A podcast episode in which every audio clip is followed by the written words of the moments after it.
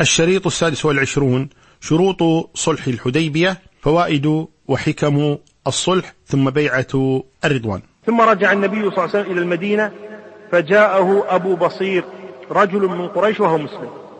هذا أيضا هرب بعد أن اصطلح النبي صلى الله عليه وسلم ورجع إلى المدينة هرب رجل من قريش كما هرب أبو جندل هرب رجل آخر من المستضعفين يقال له أبو بصير. فأرسلوا في طلبه رجلين فقالوا العهد الذي جعلت لنا. يعني قريش جادة في الأمر بيننا وبينك عهد. من جاءك مسلما من قومنا تعيده لنا. فأرسلوا رجلين وقالوا العهد الذي بيننا وبينك. فدفع النبي صلى الله عليه وسلم أبا بصير للرجلين لأنه لا يغدر صلوات الله وسلامه عليه. فخرج به أي بأبي بصير. حتى بلغ ذا الحليفة اللي هو الميقات الآن. فنزلوا يأكلون من تمر لهم. فقال أبو بصير لأحد الرجلين والله إني لأرى سيفك هذا يا فلان جيدا. فاستله الآخر أي استل السيف وقال أجل والله إنه لجيد. لقد جربت به ثم جربت به ثم جربت. فقال أبو بصير أرني أنظر إليه. أعطني السيف هذا أشوفه. فأمكنه منه. أي أعطاه السيف. يقول فضربه به حتى برد يعني حتى مات. وفر الآخر حتى أتى المدينة. فدخل المسجد يعدو. فقال الرسول صلى الله عليه وسلم حين رآه لقد رأى هذا ذعرا. أبو بصير قتل صاحبه ويريد أن يقتله فهر فهرب إلى النبي صلى الله عليه وسلم. فلما انتهى إلى النبي صلى الله عليه وسلم قال قتل قتل والله صاحبي وإني لمقتول يعني يريد الآن الأمان لنفسه هو في الأصل جاء ليأخذ أبا بصير ما يريد أبا بصير. ولكن يريد أن يأمنه النبي صلى على نفسه حتى لا يقتله أبو بصير. فجاء أبو بصير ومعه السيف وقد قتل صاحبه فقال يا نبي الله قد والله أوفى الله ذمتك قد رددتني عليهم ثم أنجاني الله منهم. أنت ما قصرت. أنت العهد الذي عاهدتهم عليه وفيت به وسلمتني إليهم لكن الله نجاني منهم. فقال النبي صلى الله عليه وسلم ويل أمه مسعر حرب لو كان له أحد. يقول ويل أمه هذه دعوة ولكنها كانت تستخدم في السابق عند العرب للدعاء على الرجل ذم تكون ذما مثل قولهم ثكلتك أمك مثل قولهم تربت يداك أي التصقت بالتراب. ثم مع كثرة استعمال هذه الكلمة صارت تستخدم للشيء يستغربه الناس ثكلتك أمك كيف فعلت هذا؟ ويل أمه كذا تربت يداك. صارت تستخدم للشيء الذي يستغرب. فقال النبي صلى الله عليه وسلم ويل أمه مسعر حرب. هذا سيشعل الحرب بيننا وبين قريش. لو كان له أحد. أي لو كان أحد ينصره. كان النبي صلى الله عليه وسلم ينبيه يقول له إيش؟ ترى إذا جاء جاءت قريش وطلبتك سأسلمك مرة ثانية احذر. فلما سمع ذلك من عرف أنه سيرده إليهم أي إذا طلبوه فخرج أي من المدينة حتى أتى سيف البحر أي من طريق جدة. وقال ثم انفلت أبو جندل. مرة ثانية. أبو جندل انفلت أول مرة في الحديبية. مرة ثانية أيضا هرب من قريش. ولكن أين يذهب؟ إذا ذهب إلى النبي صلى الله عليه وسلم النبي إلى قريش إذا طلبته. أين يذهب؟ ذهب إلى أبي بصير عند سيف البحر. يقول فجعل لا يخرج من قريش الرجل قد أسلم إلا لحق بأبي بصير. حتى اجتمعت منهم عصابة. عصابة تطلق على المجموعة من الناس تعصبوا لأمر أي اتفقوا على أمر أو جمعهم أمر يقال لهم عصابة. يقول فوالله ما يسمعون بعير خرجت لقريش إلى الشام إلا اعترضوا لها فقتلوهم وأخذوا أموالهم. ما بينهم وبين قريش عهد؟ بالعكس قريش عذبتهم آذتهم قتلت منهم من قتلت. لذلك هؤلاء ليس بينه وبين قريش عهد. فآذوا قريشا في هذه من هذه الناحية. فأرسلت قريش إلى النبي صلى الله عليه وسلم تناشده الله والرحم لما أرسل فمن أتى لما أرسل فمن أتاه فهو آمن. فأرسل النبي صلى الله عليه وسلم إليهم. أرسل إلى النبي صلى الله عليه وسلم يناشدونه بالله والرحم. نناشدك بالله نناشدك بالرحم التي بيننا وبينك. أرسل إلى هؤلاء يعني إلينا في مكة أرسل إلينا أن هذا الشرط تنازلت أنت عنه. والذي يسلم يأتيك كيف؟ ما في مشكلة. لكن بيننا وبينك عهد أن لا يكون هناك قتال ولا يكون هناك سرقة ولا يكون هناك أخذ أموال. أذان هؤلاء. فأرسل النبي صلى الله عليه وسلم إليهم. أي تنازلنا عن هذا الشرط مع أن هذا الشرط كان المسلمون يرون أنه إيش؟ ضرر عليهم. ثم ظهر غير ذلك. فأنزل الله تبارك وتعالى سورة الفتح وهو الذي كف أيديهم عنكم وأيديكم عنهم ببطن مكة من بعد من بعد أن أظفركم عليهم وكان الله بما تعملون بصيرا. هم الذين كفروا وصدوكم عن المسجد الحرام والهدي معكوفا أن يبلغ محلة ولولا رجال مؤمنون ونساء مؤمنات لم تعلموهم أن تطؤوهم فتصيبكم منهم معرة بغير علم ليدخل الله في رحمته من يشاء لو تزيلوا لعذبنا الذين كفروا منهم عذابا أليما. إذ جعل الذين كفروا في قلوبهم الحمية حمية الجاهلية فأنزل الله سكينته على رسوله وعلى المؤمنين. وألزمهم كلمة التقوى وكانوا أحق بها وأهلها وكان الله بكل شيء عليما. يقول الله تبارك وتعالى وهو الذي كف أيديهم عنكم وأيديكم عنهم ببطن مكة. القتال بالصلح الذي كان بينهم. من بعد أن أظفركم عليهم. أي كان الله تبارك سيظفر النبي صلى الله عليه وسلم على أهل مكة. وكان الله بما تعملون بصيرا أظفرهم الله عليهم في الخندق أظفرهم الله عليهم في بدر. قال هم الذين كفروا أي أهل مكة. وصدوكم عن المسجد الحرام. لما خرج النبي صلى الله عليه وسلم معهم معتمرين. والهدي معكوفا أن يبلغ محلة أي منعوا الهدي أن يبلغ محلة وهو أن ينحر عند البيت. يقول ولولا رجال مؤمنون ونساء مؤمنات لم تعلموهم أن تطؤوهم. أي الضعفاء المستضعفون كأبي جندل وأبي بصير وغيرهم من المؤمنين الذين كانوا في مكة لا يستطيعون الهجرة. يقول لم تعلموهم أن تطؤوهم. أي لما تدخلوا مكة في حرب تقتلون الكفار وقد تقتلون من المؤمنين وأنتم لا تعلمون. فتصيبكم منهم معرة بغير علم. أي تعيرون بعد ذلك بهذا ويقال قتلتم أصحابكم وقتلتم المؤمنين بغير علم أي بغير علم منكم أن هؤلاء من المؤمنين. قال ليدخل, ليدخل الله في رحمته من يشاء أي من عباده.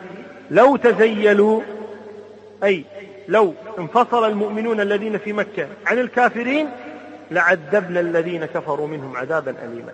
إذا سبب عدم تعذيب الله تبارك وتعالى لأهل مكة هو وجود الضعفاء من المؤمنين داخل مكة. قال إذ جعل الذين كفروا في قلوبهم الحمية حمية الجهل. وذلك في قوله إنه من خرج من عندنا مؤمنا تعيده لنا مرة ثانية. قال وألزمهم فأنزل الله سكينته على رسوله وعلى المؤمنين وألزمهم كلمة التقوى وكانوا أحق بها وأهلها وكان الله بكل شيء عليما. وبعد ذلك انتهى هذا الصلح بين النبي صلى الله عليه وسلم وكفار مكة بعد سنتين وهو ما كان من فتح مكة كما سيأتي تفصيله إن شاء الله تبارك وتعالى. الشروط التي اشترطوا عليها في الصلح مع النبي صلى الله عليه وسلم ملخصها ما يأتي. أولا أن يرجع المسلمون ذلك العام ولا يصلوا إلى مكة. ثانيا أن النبي صلى الله عليه وسلم ومن معه يعتمرون من السنة القادمة في نفس الوقت. وهنا فائدة النبي صلى الله عليه وسلم اعتمر أربع مرات في حياته صلى الله عليه وسلم وحج مرة واحدة. اعتمر الأولى هذه عمرة الحديبية التي نحر وحلق بها ولكن لم يتمها.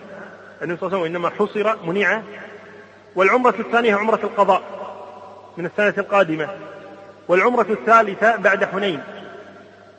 لما خرج إلى حنين رجع واعتمر من مكان يقال له الجعرانة. والعمرة الرابعة مع الحج لأنه كان قارنا صلوات الله وسلامه عليه. وكل عمر النبي صلى الله عليه وسلم كانت في ذي القعدة. كل عمر النبي صلى الله عليه وسلم التي اعتمرها في ذي القعدة. في سنة السادسة من الهجرة وفي سنة السابعة من الهجرة وفي السنة الثامنة من الهجرة وفي السنة العاشرة من الهجرة. كلها في ذي القعدة. في ذي القعدة كل عمر النبي صلى الله عليه وسلم. إذا الشرط الأول أو البند الأول أن يرجع المسلمون ذلك العام ولا يصلوا إلى مكة. البند الثاني يقضون عمرتهم من العام المقبل ويقيمون أي خلال العمرة ثلاثة أيام في مكة فقط. الشرط الثالث لا يدخل مكة بسلاح إلا سلاح الراكب السيف في القربة أو السيوف في القرب. الرابع من جاء النبي صلى الله عليه وسلم من قريش بغير إذن وليه يرده عليه أي مسلما. ومن جاء قريشا من المسلمين لا ترده إليهم أي لا ترد قريش ذلك الرجل إلى النبي صلى الله عليه وسلم. الخامس من أراد أن يدخل في عقد النبي صلى الله عليه وسلم وعهده دخل فيه وله مثل شرطه. ومن أراد أن يدخل في عهد قريش وعهده دخل فيه وله مثل شرطها. فدخلت خزاعة مع قريش ودخلت بكر مع النبي صلى الله عليه وسلم. السادس أن بينهم أي بين النبي صلى الله عليه وسلم ومكة عيبة مكفوفة. والسابع أنه لا إسلال ولا إغلال. ومعنى الشرطين السادس والسابع أي بيننا وبينهم في هذا الصلح صدرا معقودا على الوفاء بما في الكتاب نقيا من الغل والغدر والخداع ومعنى مكفوفة أي معقودة فهذا معنى الشرطين السادس والسابع. البند الثامن أو الشرط الثامن توضع الحرب بينهم عشر سنين. هذه هي الشروط التي كانت بين النبي صلى الله عليه وسلم وكفار مكة. هذه الهدنة في ظاهرها أن فيها إجحاف للنبي صلى الله عليه وسلم ومن معه ولكن ليس الأمر كذلك. يقول ابن القيم رحمه الله تبارك وتعالى في الزاد يقول في الإشارة إلى بعض الحكم التي تضمنتها هذه الهدنة. يقول وهي أكبر وأجل من أن يحيط بها إلا الله جل وعلا الذي أحكم أسبابها فوقعت الغاية على الوجه الذي اقتضته حكمته وحمده سبحانه وتعالى. منها أي من هذه الحكم أنها كانت مقدمة بين يدي الفتح الأعظم الذي أعز الله به رسوله وجنده ودخل الناس به في دين الله أفواجا فكانت هذه الهدنة بابا له ومفتاحا ومؤذنا بين يديه. ومنها كذلك أن هذه الهدنة كانت من أعظم الفتوح. فإن الناس أمن بعضهم بعضا. واختلط المسلمون بالكفار وبادؤوهم بالدعوة وأسمعوهم القرآن وناظروهم على الإسلام جهرة آمنين. وظهر ما كان مختفيا بالإسلام ودخل فيه في مدة الهدنة من شاء الله أن يدخل.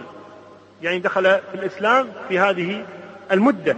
ومن أشهر من دخل في الإسلام في هذه المدة خالد بن الوليد عمرو بن العاص عكرمة بن وغيرهما من الصحابة. ثم كذلك منها أي من فوائدها ما سببه الله سبحانه وتعالى للمؤمنين من زيادة الإيمان والإذعان والانقياد على ما أحبوا وكرهوا.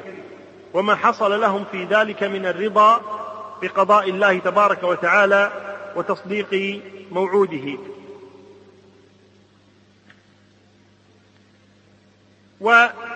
ومنها كذلك أن النبي صلى الله عليه وسلم تفرغ للدعوة إلى دين الله تبارك وتعالى فصار صلوات الله وسلامه عليه يرسل رسله فأرسل إلى هرقل وأرسل إلى قيصر وأرسل إلى النجاشي وإلى غيرهم كلهم أو كلهم يدعوهم النبي صلى الله عليه وآله وسلم إلى الإسلام.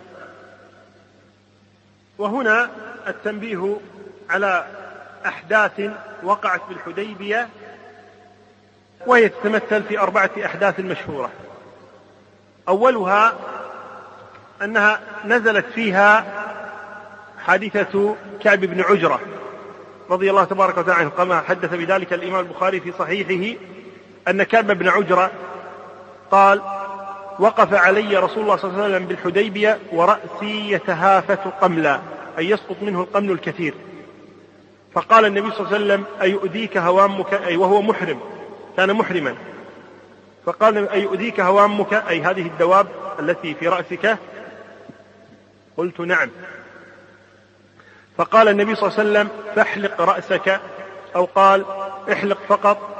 وقال وفي نزلت هذه الآية. فمن كان منكم مريضا أو به أذى من رأسه ففدية ففدية من صيام أو صدقة أو نسك.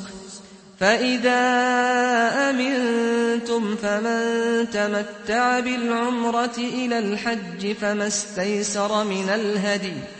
فمن لم يجد فصيام ثلاثة أيام في الحج وسبعة إذا رجعتم.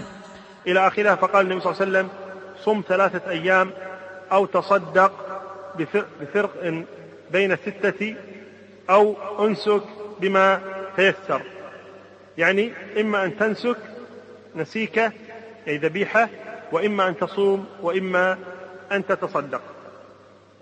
الثانية المسألة الثانية وهي أنه في الحديبية أيضا وقعت مسألة عقائدية.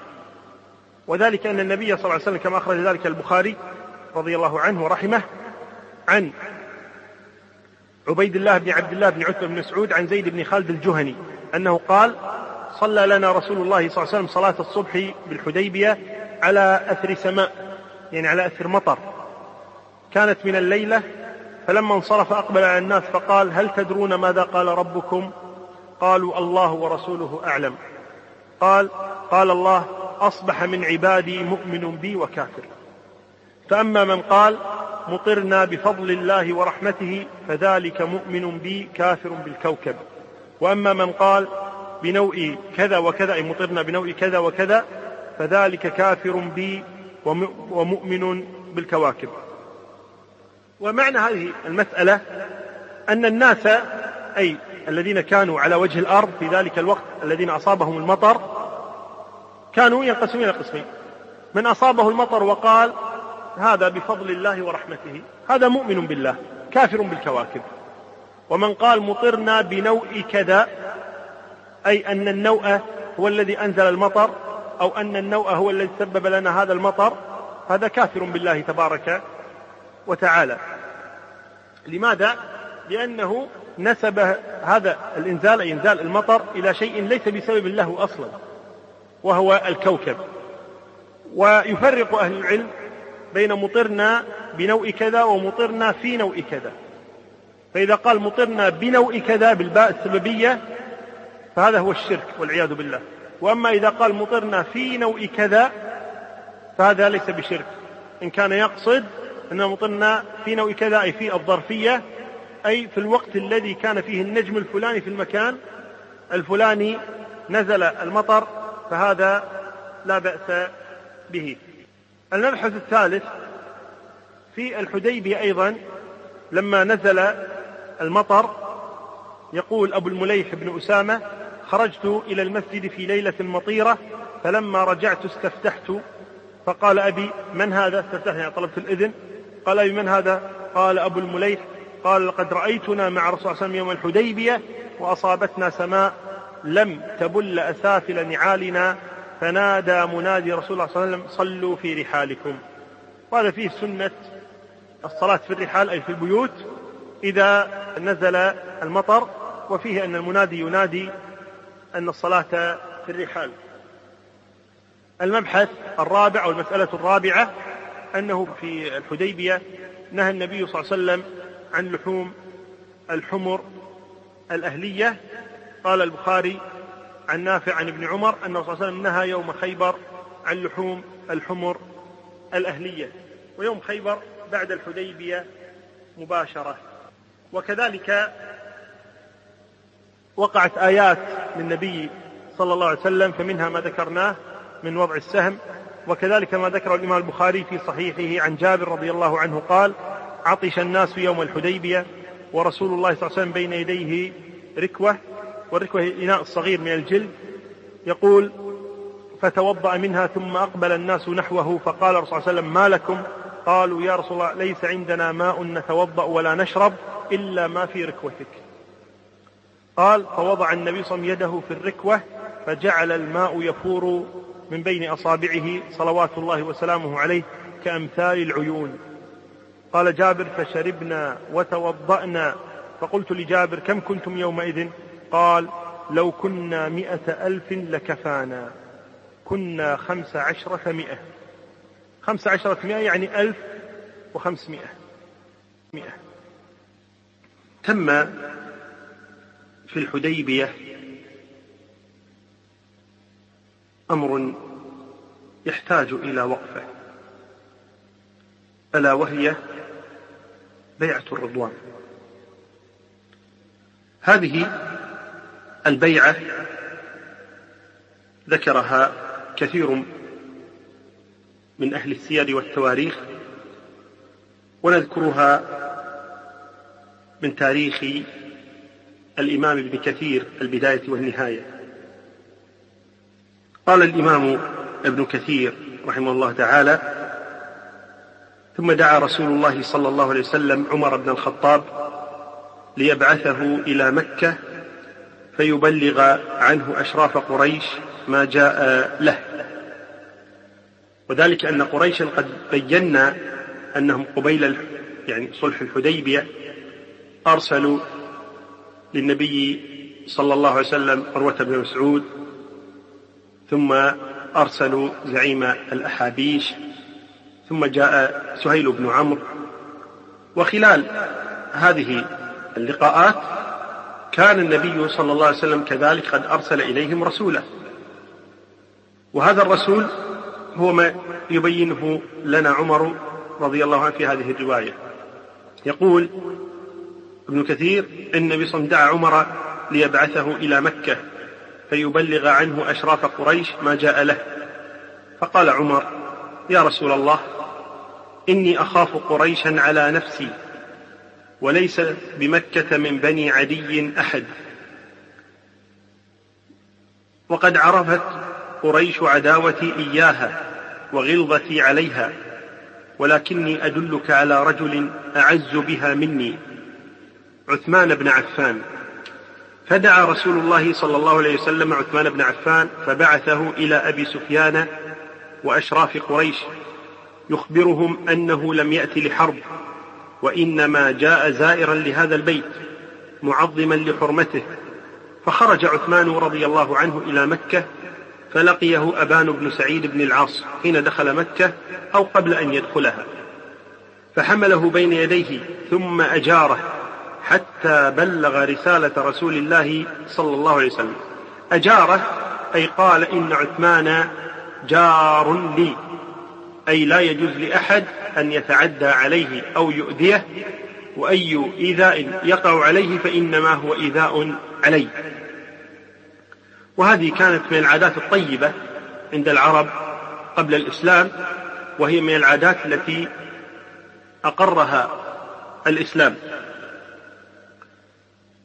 ثم انطلق عثمان حتى أتى أبا سفيان وعظماء قريش فبلغهم عن رسول الله صلى الله عليه وسلم ما أرسله به.